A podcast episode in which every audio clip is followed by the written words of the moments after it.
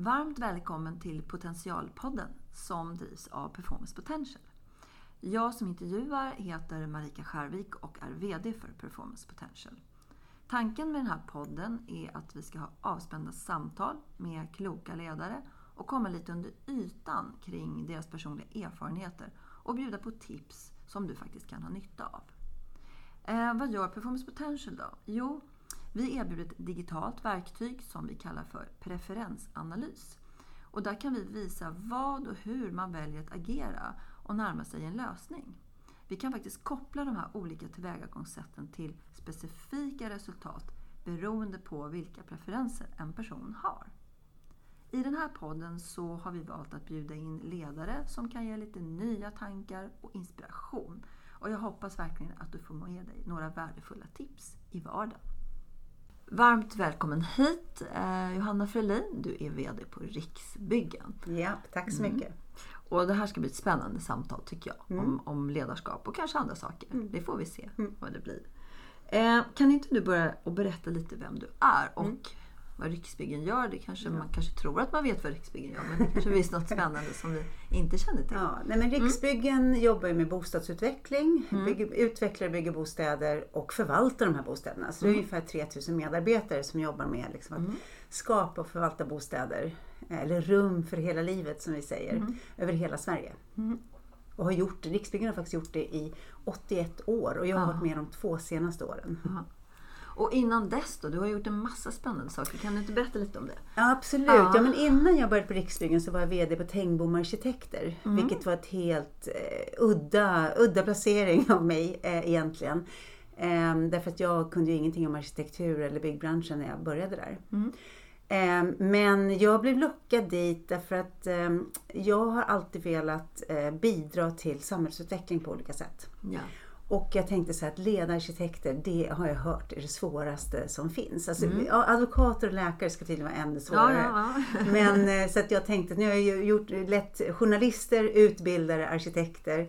Eh, så jag tyckte det var en väldigt rolig ledarskapsutmaning att leda ett sånt eh, värderingsfyllt skrå. Mm.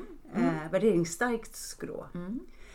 Eh, och då, från Tengbom, innan Tengbom så var jag VD på Hyper Island som mm. är ett utbildningsföretag som utbildar digitalt som driver också både skolor men också mycket executive-utbildningar. Mm. mm. Och det var mitt första VD-jobb. Um, och det var ett, också ett väldigt spännande jobb för det var också globalt så att vi fanns ju i fem länder. Just det, det. Um, men en väldigt liten organisation. Um, så där lärde, där lärde jag mig otroligt mm. mycket. Jag tänkte det här, hur, hur var det då att leda arkitekter? Jag är lite nyfiken sådär. Var det, var det så som du hade tänkt dig? Liksom?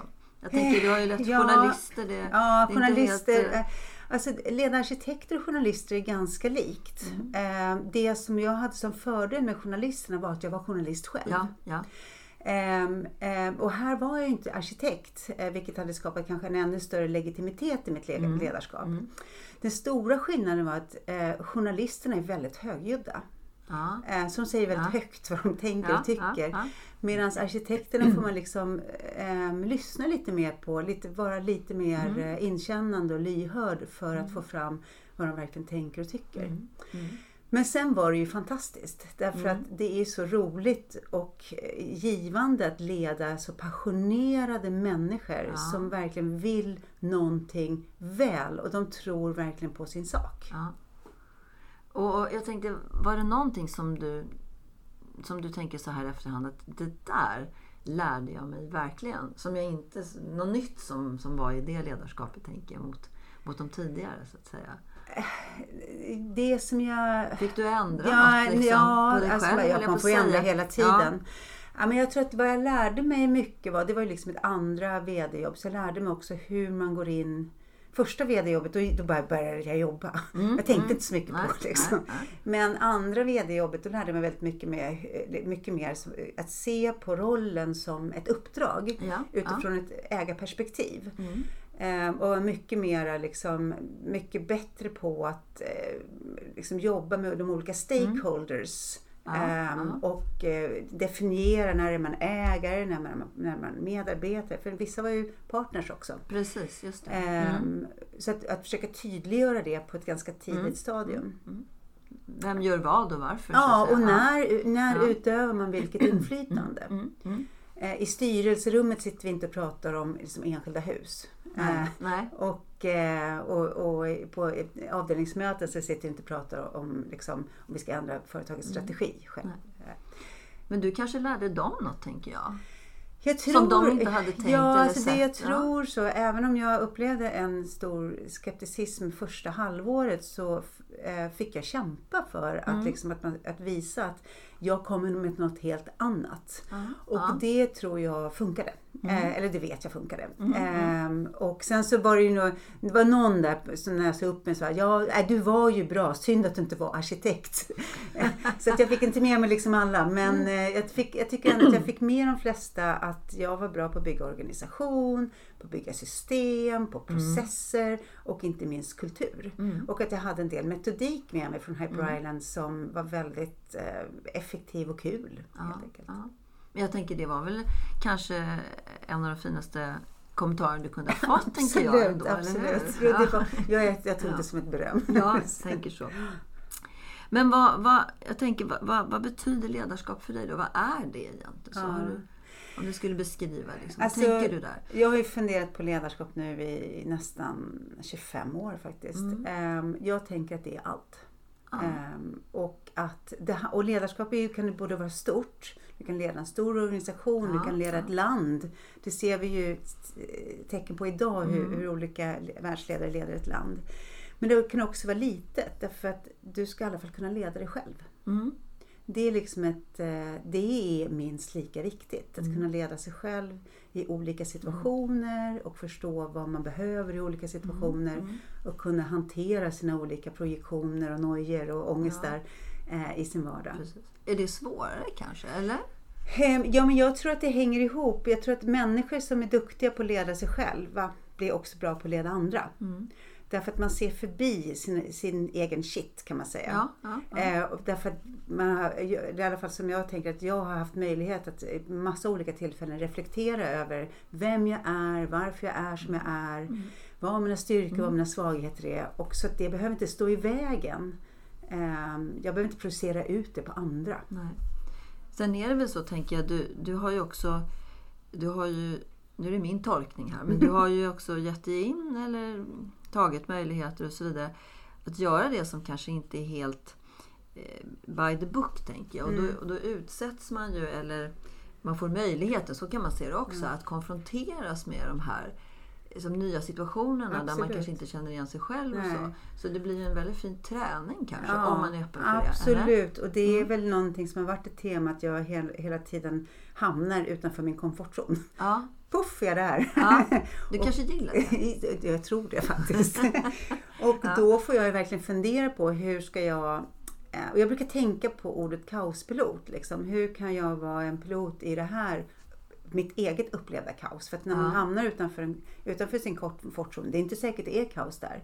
För det är ju någon annans komfortzon. Men Ja, när man själv gör det så kan man ju uppleva att det är kaos. Ehm, och då brukar jag tänka så här, nu ska jag vara en pilot i kaoset. ja.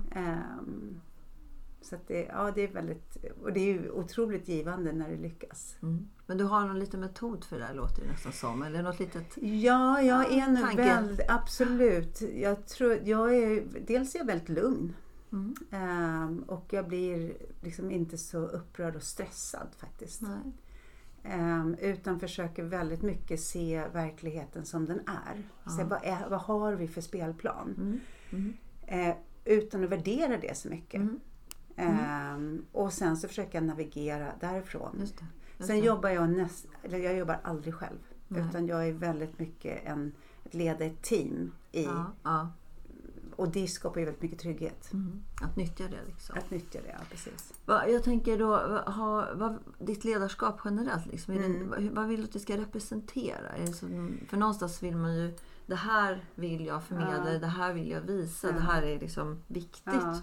Ja, Eh, Sen absolut. kanske inte alla gillar det som du är inne på, så är det ju. Men vad är det? Så kan du beskriva det? Ja, jag har eh, tänkt väldigt mycket på ledarskap och, och eh, har varit mycket mentor också. Mm. Ehm, och dels så vill jag att eh, ledarskap ska handla om glädje. Mm.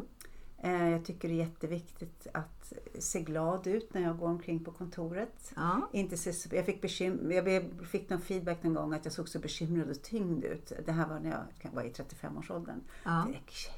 Så kan man ju inte gå omkring. Gör Jag är ju dålig reklam för Ja, ledarskapet. förstår. så det ska handla om arbetsglädje. Ja. Eh, Att det är roligt att leda, att det är roligt att anta utmaningar. Mm. Eh, Sen tycker jag att det ska handla om mod. Mm. En spade är en spade. Mm. Att liksom inte göra det mer komplicerat än så. Nej, nej, nej. Ehm, och att våga då också vara väldigt liksom, tydlig, empatisk men tydlig i budskapen så att vi delar samma verklighet. Mm. Ehm, sen tycker jag att det handlar om mål. Alltså så här, vi jobbar inte med ledarskap för att vi ska ha kul.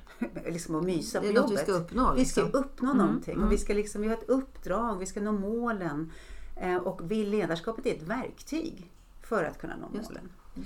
Ehm, och sen tänker jag det sista, liksom, att sen ska det också vara roligt att jobba i organisationen. Ja. Och det måste liksom Ja.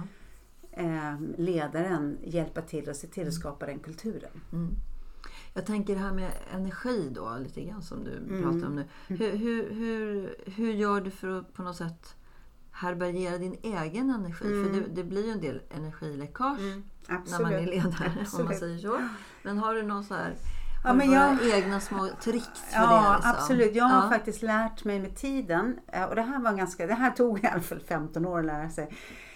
Att jag vet ju oftast i förväg vad som kommer ta energi. Mm, Eh, Ett styrelsemöte kommer alltid ta energi för det kräver väldigt mycket koncentration och fokus och självledarskap. Ja. Mm. Eh, Och då efter styrelsemötena så har jag alltid bokat in att jag åker till stallet efteråt. Ja. För att jag har två hästar. ja, förstår. Ehm, Jag kan veta att det tar, och det tar en helt annan energi. Ja, men nu ska jag, ut, jag ska ut på resande fot i en månad ungefär. Och Ja. det kommer ge väldigt mycket energi för att jag ska träffa en massa medarbetare.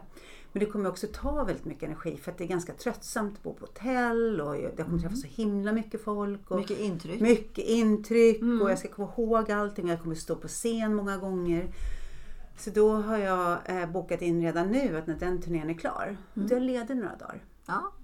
Så jag ser det som en liten vågskål. Så att när jag vet i förväg att jag kommer behöva sätta in mycket energi Mm. så måste jag också, eller ta ut mycket energi, så måste jag också sätta in på Just det. kontot i närtid. Jag kan inte skjuta nej. det till sommaren. Liksom. Mm. Utan det måste vara inom samma vecka eller inom samma månad. Det är väldigt, tycker jag är väldigt klokt tips. Nu har jag inte kommit till något tips ännu, men jag tänker det är ju faktiskt tänkvärt för, för andra kanske liksom att, att också tänka på det som du säger. Att förekomma sig själv, eller- vad jag ska kalla det Ja, för. och ha Lite- lite ja. struktur. Ehm, och, och det handlar väl också om kä- självkännedom, att förstå vad är det som tar energi Ja. från mig? Ja. Ehm, Och hur kan vad är det som ger? När du, så att säga, apropå att få energi då, när du, när du går hem efter jobbet så Mm. att säga. Eh, Vad, vad är det om, om du känner så här, yes, det här var en riktigt bra Mm. dag. Det här var som på något sätt, eh, kanske energifyllt, men du kände att du var nöjd helt Ja. enkelt. Vad, vad har hänt då? Kan, finns det några exempel på Ja, vad men som, då har... vad som har borde hända? ja, exakt. Nej, men när jag är som bäst och känner mig som nöjdast, då har jag nog haft en workshop, hållit i en workshop. Ja. Eh, med kanske 8-10 personer. Eh, där vi har löst någonting, där det har varit en, ett st- stort dilemma. Ja. Och där liksom som jag har klurat på så kanske har varit en stor utmaning. Ja. Och den här workshopen då kanske på två, tre timmar eh, faktiskt det- liksom kollektivet har tagit fram en handlingsplan eller en lösning Mm. eller ett steg på vägen. Att vi liksom kommit ett steg närmare en lösning. Jag har gjort någonting. Ni har liksom gjort kons- no- ja, som konkret, faktiskt kommer liksom. spela roll. Mm. Ehm, och sen så har man utcheckning efter workshopen och alla är nöjda med sin egen insats. Då blir jag jättenöjd. Då blir nöjd. Ja. Vad är det som är svårt och utmanande då? Energitjuvar kanske man kan Ja. kalla det för. Men finns det några speciella såna saker som du känner att det här är Ja, liksom alltså tjafs. tjafs? Ja, Precis. Ja, Ehm, eh, när medarbetare tjafsar. Ja, Eh, internpolitik. ja, Eh, när man blir upptagen av konfliktande mål istället för att se helheten. mm, mm, Eh, suboptimering. Eh, den, det tar jättemycket energi. Konfliktlösning. mm. Jag tycker att det att hålla på och tjafsa, det står ju i vägen för att vi ska nå målen. Ja, ja, liksom. och då, hinder. det här Mm. för oss inte framåt, det här tjafset. Mm. Vad gör du då? då? Har du... Jag har utvecklat, ja precis, eftersom jag vet att det tar så mycket energi och tid så att Ja. liksom har jag utvecklat en eh, modell där jag säger till de som tjafsar att nu, ni får lösa tjafset själva. Eh, nu gör ni ett ordentligt försök. Jag vill veta att ni ses nästa vecka, Ja. löser tjafset. Mm. Och om inte det går Mm. så har vi steg två. Mm. Eh, då kommer jag eh, ta in en psykolog Mm. som hjälper er att lösa tjafset. Mm. Intressant. Ja. Ja. Och om inte det går, om det fortfarande är tjafs, Ja. då kommer jag engagera mig själv. Mm. Men jag tror att i, när jag var ung chef, Ja. då, då tog jag mig själv som vapen direkt. Jag Förstår. förstår. Nu, då blev Ja, jag någon ja. medlare och sådär. Du skulle fixa så att säga. Jag skulle fixa. Men Mm. jag har slutat med det för att jag tänker att det är vuxna människor. Mm. Ehm, så att de får, de får fixa det själva. Men jag kan också bidra med en coach eller psykolog eller någon Mm. Ja. om man kan behöva någon som faciliterar samtalet. Mm. Det är ganska intressant tycker jag för att det är ju många ledare, utan att dra någon generell så, Ja. som, som eh, deras kall är liksom fix, fixa det. Är ett sätt att bli bekräftad Ja, som ledare. absolut. Men du har liksom vänt på det lite Jag har vänt på det. Ehm, det jag, Bra, får man säga så? Ja, nej, men jag Var nog sån, alltså Ja. jag var nog sån de första tio åren. Mm. Eh, men eh, det som jag lärde mig under mina, mina olika ledarroller jag haft är att eh, organisationen blev väldigt beroende av mig som person. Och, och saker började, krets, började liksom kretsa kring mig. Och jag är inte helt bekväm med det. Nej, Ehm, nej. och när jag lämnade ett team till exempel, då var det som det teamet kraschat. Jag var så här kittet i teamet. Mm. Och jag vill bygga system. Jag förstår. Ja, jag förstår. som är ja. större än min person. Än din person. Ja. Så att jag, och jag fick ganska mycket feedback när jag lämnade Hyper Island att, liksom att det var, liksom, jag hade inte byggt ett system. Mm. Utan jag hade liksom byggt saker kring min person och det var ingenting jag märkte när jag var där. Nej. Men då har jag tänkt jättemycket efteråt på hur kan jag bygga system? Och då är det till exempel att eh, skapa starka individer som löser sina egna konflikter. Att det inte blir, det hänger inte på om jag är på jobbet eller inte. Nej. Ehm, så det har jag fått tänka jättemycket Mm, på. Ehm, för jag är ju också väldigt engagerad person. Ja, ja, Men att, och då är det lätt att man går in lite för långt och helt plötsligt så, så kretsar det kring mig. Mm. Och det är klart att det ger ju väldigt mycket härlig bekräftelse. Ja, det är, en, det är en annan sorts Ja, det är ju massa härlig så här, Man man, är viktig och liksom så. Man behöver ju ha bekräftelse. Så är det ju. Vi människor Precis. funkar ju så. ja, ju, men då får man ha, skaffa den någon annanstans. Precis, jag förstår vad du menar. Ja. Du har ju varit med om många saker, men är det, är det någon speciell sådär, utmaning? Du har varit inne lite på det, men jag tänker om du skulle plocka ut någon utmaning så säga, den där, det, den där lärde jag mig oerhört mycket av. Liksom. Har du någon sån eh, händelse som du sådär lite bara spontant kanske kommer att tänka på? Ja, men dels tycker jag det är väldigt svårt. Alltså på Hyper Island fick jag starta verksamhet utomlands. Mm. Det är ju otroligt svårt Ja. att få det att funka och hitta rätt personer, överföra rätt kultur, rätt metodik Mm. och det, blir sånt himla, både kulturellt Mm. avstånd, men även med britterna så de förstod inte vad svenskarna sa, vi var fluffiga och vi tyckte de var, Mm. liksom, vi förstod inte heller för de lindade in allt och sådär. Men att jobba globalt tyckte jag var svårt. Mm. En utmaning. Eh, Och hur rätt, viktigt det är att ha rätt person på rätt... Får man rätt person på rätt plats globalt, då kan det gå hur bra som helst. Men den, det, det är oftast inte den första rekryteringen du gör. Det är oftast en felrekrytering. Mm, ja. Man behöver pröva sig fram Ja. kanske i de där sammanhangen. Eh, Ja. Det andra som jag tyckte var, har varit en utmaning, det är faktiskt de senaste två åren. Eh, jag började på Riksbyggen i mitten på januari 2020 och pandemin slog in i mitten på februari. Exakt. Mm. Ehm, Så då eh, var det en utmaning ehm, att förstå hur man ska leda det här företaget. Jag kände inte människor. Kunde du träffa dem då? Jag hann resa runt lite grann i början. Ja, ja, Ehm, Och sen har det varit begränsat såklart. Mm. Det har varit i perioder när det har lättat lite grann så jag kunde resa runt. Ehm, Men i början var det också en väldigt stor kriskänsla i hela samhället. Mm. Absolut. Och företag skulle stänga ner och det var liksom, vi visste inte vad vi stod inför. Ehm, och då var det eh, svårt att vara i en helt ny kontext. Mm. Men också vara ny för kontexten. Mm. Ehm, och kunna leda det här företaget på ett klokt, sorterat, realistiskt sätt Ja. i en pandemi där vi inte visste om vi var för långsamma, för snabba eller utan bara försöka manage- managera det. Och hur hanterar du det? Jag tänker du pratar om dina system. sådär. Ja, men Kanske det- något jag Var det något som du kände- på Ja. Nej men jag kände väl att det viktigaste som jag kunde göra det var att säkerställa att företagsledningen inte bara jobbade digitalt utan Nej. att vi faktiskt sågs. Och det gjorde vi en gång i veckan under hela pandemin. Ja, ja. Eller första året. Det var ett sätt att hålla liksom, ja, för jag var ju ny för dem. Ja, Och absolut. organisationen var ny för mig. Mm. Och eh, ska man leda, jag har alltid tänkt liksom att har man en svår uppgift för ett team då måste det teamet vara ett riktigt bra team. Och riktigt bra team, då litar man på varandra. Så att, Mm. Ja. Och att bygga tillit online, Mm. det är mycket, mycket svårare Mm. än att bygga det live. Så att Absolut. vi, jag, där fortsatte jag bara, och trotsa pandemin lite grann. Ja, Och eh, vi sågs varje vecka. Vi, åkte, vi var själva på kursgård. Det var bara vi. Mm. Eh, därför att jag tyckte att det var så viktigt. Vi, vi, står, inför någonting väldigt, vi står i någonting väldigt svårt. Mm. Där vi behöver fatta massa beslut och kanske fel beslut ibland. Och, och då måste vi vara väldigt trygga med varandra. Mm. Mm. Ehm, så där jobbade jag på som vanligt trots att det var pandemi. Ja. ja, men ibland måste man ju kan jag säga, utmana det som kanske... Ja, och det slutade med att all, hela företagsledningen, de har ju, varit, de har haft covid allihopa i, Mm. vid, olika tillfällen, vid olika omgångar, utom jag. Mm, så att, ja, precis, att jag har lite dåligt samvete. Ja, men det, det, kan, man, det kan man ju inte förutse. De mår bra eller hur? allihop. Nej. Ja. Jag tänker det här, det låter ju som att det finns ju några värderingar ändå som är liksom på något sätt i, ry- i din ryggrad eller vad man ska säga. Mm. Ja. Det, skulle du kunna beskriva några? Så vad är det för liksom, det här är verkligen superviktigt och det här Ja. kompromissar jag kanske inte med. Eller det här behöver ni veta om mig. Så, vad, vad, har Nej, men jag, eh, jag brukar faktiskt vara väldigt ärlig när jag kommer till en ny grupp.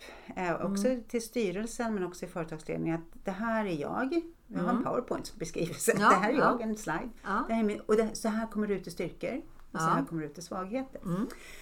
Och det som jag tycker är väl allra viktigast, det är tillit. Jag har ju säkert Mm. sagt ordet flera gånger bara idag. Ehm, att kunna lita på att människor gör som de säger. Eh, att de vill väl. Mm. Mm. Och där kopplas det ihop med lojalitet. Ja, Så att, ja. ehm, jag kan vara sådär lite svår att bli vän med. Men när, jag väl, när vi väl blir vänner, då är jag lojal livet ut. Ja. Och, ehm, och tillit och lojalitet det bygger väldigt mycket på öppenhet. Mm. Att jag vill, att, vill ha total ärlighet. Mm.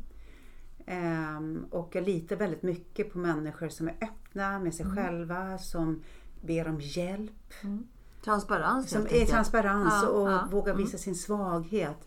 Då blir jag så här, åh gud vad jag litar på dig. Du vågar ju säga Ja. till när det håller på att gå åt helvete.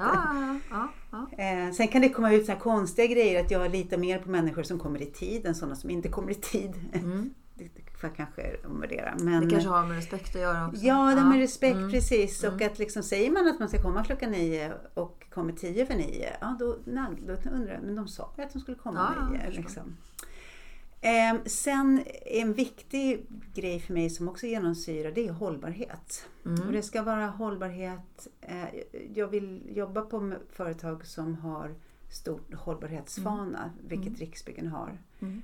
Eh, men det ska också vara hållbart för mig själv. Så hållbarhet är både stort och litet. Jag. Ja, ja. Eh, så att jag ska kunna jag har det här jobbet i flera år Mm. utan att bränna ut mig. Utan att, liksom, och ändå kunna gå och träna och hinna vara med min familj. Ja, För att det ska vara ja. liksom en hållbar helhet för mig. Och Riksbyggen har ju, som du sa, hållit på i 80 år eller vad du nu nämnde. Så Ja, det finns ju någon Det slags... och ja, och det var en av anledningarna varför jag sa ja till Riksbyggen-jobbet är just att det finns så väldigt eh, stora ambitioner med hållbarhet i alla aspekter. Ja, Och man är väldigt duktig på hållbarhet och, och jobbat väldigt mycket med det. Både social hållbarhet men också naturligtvis eh, ekologisk och planering, koldioxidmässigt. Mm. precis.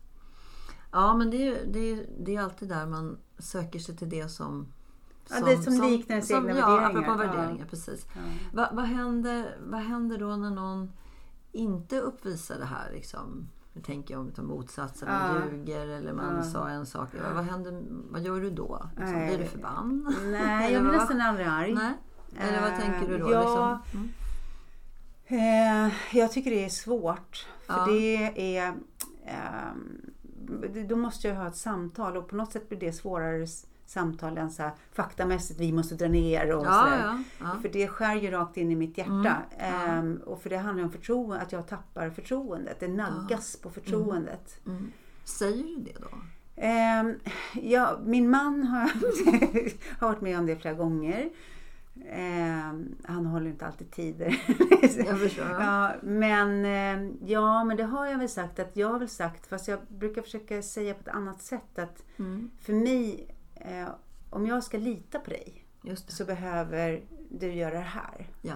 Snarare än att nu har jag tappat förtroendet för dig. Att jag Ja. brukar försöka vända Jag på så förstår. att det är någonting som människor faktiskt kan göra någonting åt. Precis. Ja, ja. Ehm, Eftersom det är så viktigt för mig. För att negativ, alltså negationer i feedback funkar ju väldigt sällan. liksom. Precis. Mm. Det blir oftast motstånd. Mm. Ja, det är inte heller... De, Eller inget människor måste lärande. få en chans att förstå. Inget lärande i det. Ja, nej. Nej, hur absolut. kan man göra för att jag ska känna tillit? Ja. Och att det handlar jättemycket om mig själv, inte s- lika mycket om dem. Mm. Ja, spännande. det är spännande tycker jag Mm. att lyssna på dig och vad du, hur du tänker och så. Ehm, det finns ju en sån här klassiker. Då. Ehm, det där med att sova på nätterna, Mm. du vet. Sova gott på nätterna. Hur, hur, är det, hur är det med dig? säga? Gör du det? Och om du inte gör det, vad är det då som gnager? Liksom? Alltså, jag Har du någon ju- sån där gnagis? Jag sover ju väldigt, väldigt gott på nätterna. ja. ja. Och har alltid gjort. Eh, och jag kan somna nästan var som helst, en mikropausa. Men eh, två gånger per år kanske, då har jag en nattmara. Ehm, och det kan ofta handla om att eh, jag känner att jag har gjort någonting fel. Ja, jag förstår. Ja. Mm. Och det behöver inte vara något stort, att, liksom, att jag ledde Riksbyggen i fel strategi. Utan då, då är jag mer såhär, ja men jag gjorde mitt bästa utifrån den Mm. de förutsättningar jag hade och den kunskapen vi hade just då. Ehm, utan det är mer att jag kanske har uttryckt mig klumpigt Ja. eller eh, varit, liksom inte varit så konstruktiv som jag hade velat. Du har inte levt dina värderingar Nej, kanske? ex, exakt. Ja, men bra. Nu fick jag lära Så mig. tänker jag det kanske Ja, kan men vara. det är precis. Ja, mm, jag förstår. Ehm, och då, kan det, då kan det gnaga hos mig. Mm, mm. Vi skulle kunna ha tror jag, tre timmars samtal du och jag. Den tiden går så här sjukt fort. Men vi, vi ska inte avsluta riktigt, men vi ska runda av i alla fall lite. Jag tänker, om du, om du fick leva om din karriär. Nu har Mm. du gjort så många saker. Är det, skulle du vilja det? Eller är det någonting du känner så här, ah, det där skulle jag gjort istället? Eller, Ja, men jag känner väl med att jag ska tagit det lite lugnare. ja, okej. Ehm, ja. Så det är ett medskick till alla unga chefer. Att jag behövde inte hetsa. Nej. Ehm, Jag behövde inte lägga ner 150% energi i saker och ting. Det hade räckt att lägga ner 110 eller 100. Ja. Ehm, särskilt mina första tio år där jag också var småbarnsförälder. Mm. Ehm, så det skapade ganska mycket stress och känsla av otillräcklighet. Ehm, och det var ju faktiskt helt onödigt. Mm. Överambitiösheten. Överambitiös, Ja, överarbeta, ja, ja, mm. inte tro på att man räcker till. Ehm, och på alla fronter. Mm. Ehm, som mamma, som fru, som förälder. Alltså så alla, Mm. Hela ja, paketet. hela paketet. Ja, ja. Så jag önskar att jag hade gett mig själv lite mer slack faktiskt. Men det är klart, det är alltid sådär. eh, Efterklokheten är världens mest exakta Ja, exakt, vetenskap. det, exakt. men det är ändå, man kan Ja, alltid tänka tillbaka och, och kanske det är ett gott råd Ja. till, till de Ja, som men jag lyssnar har här också en, ja. jag hade faktiskt ett medarbetarsamtal idag med en medarbetare som har det lite tufft på hemmafronten. Och då sa jag, men du är så rutinerad så att liksom, du lägger normalt 120% energi Mm. på ditt jobb. Du skulle kunna gå ner till 90% energi Ja. och ändå leverera fullt. Just det, just det. Därför att du har rutin nu också. Mm, mm. Ehm, så man, Fokusera på rätt grejer. Ja, liksom. exakt. Ja, ja. och sen eh, att hela tiden påminna sig själv att, och det gäller ju inte alla branscher, men i de branscher jag har varit så räddar vi faktiskt inte liv. Mm.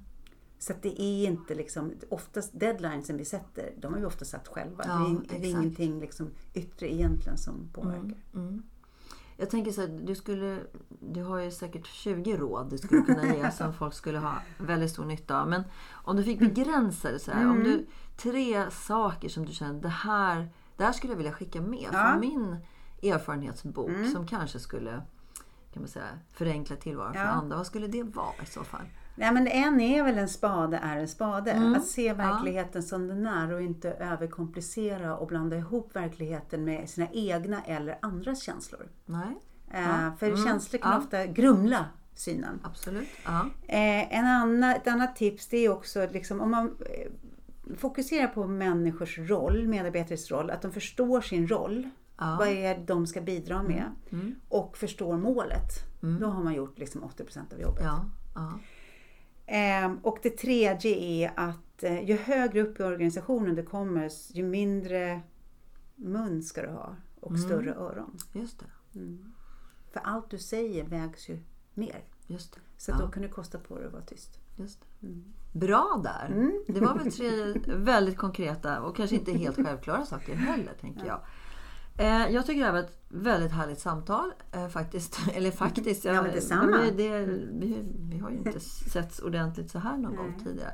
Så att stort, stort, stort tack tycker jag. Det är mycket saker du har sagt här som, eh, som jag tror att eh, många inte har tänkt på. Jag tänker den här kombinationen av struktur, process, rationellt tänkande men också liksom hjärtat på något sätt. Den här, vad ska jag säga, båda hjärta och hjärna.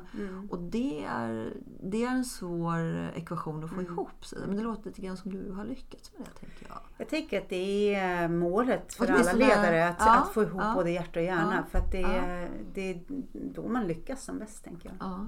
Det blir väl jättebra slutord. Tack snälla för, för att du kom hit Ja, och pratade lite supertack för att jag med fick mig. komma. Ja, tack så mycket.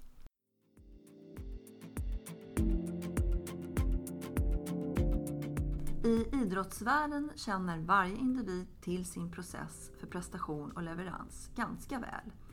Men i näringsliv och organisationer är det ofta en otränad och kanske omedveten kunskap. Performance Potentials digitala verktyg, som vi kallar för preferensanalys, används just för att ta fram teams och organisationers sätt att leverera. Och sen matchar vi det med kundernas krav på agerande. Genom den här metoden får både individer och organisationer en möjlighet att nå sina mål och få bästa utfall av sina planer. Därför att man på förhand faktiskt kan förutse hur människor kommer att agera. Så hör gärna av dig så kan vi berätta mer om hur det går till.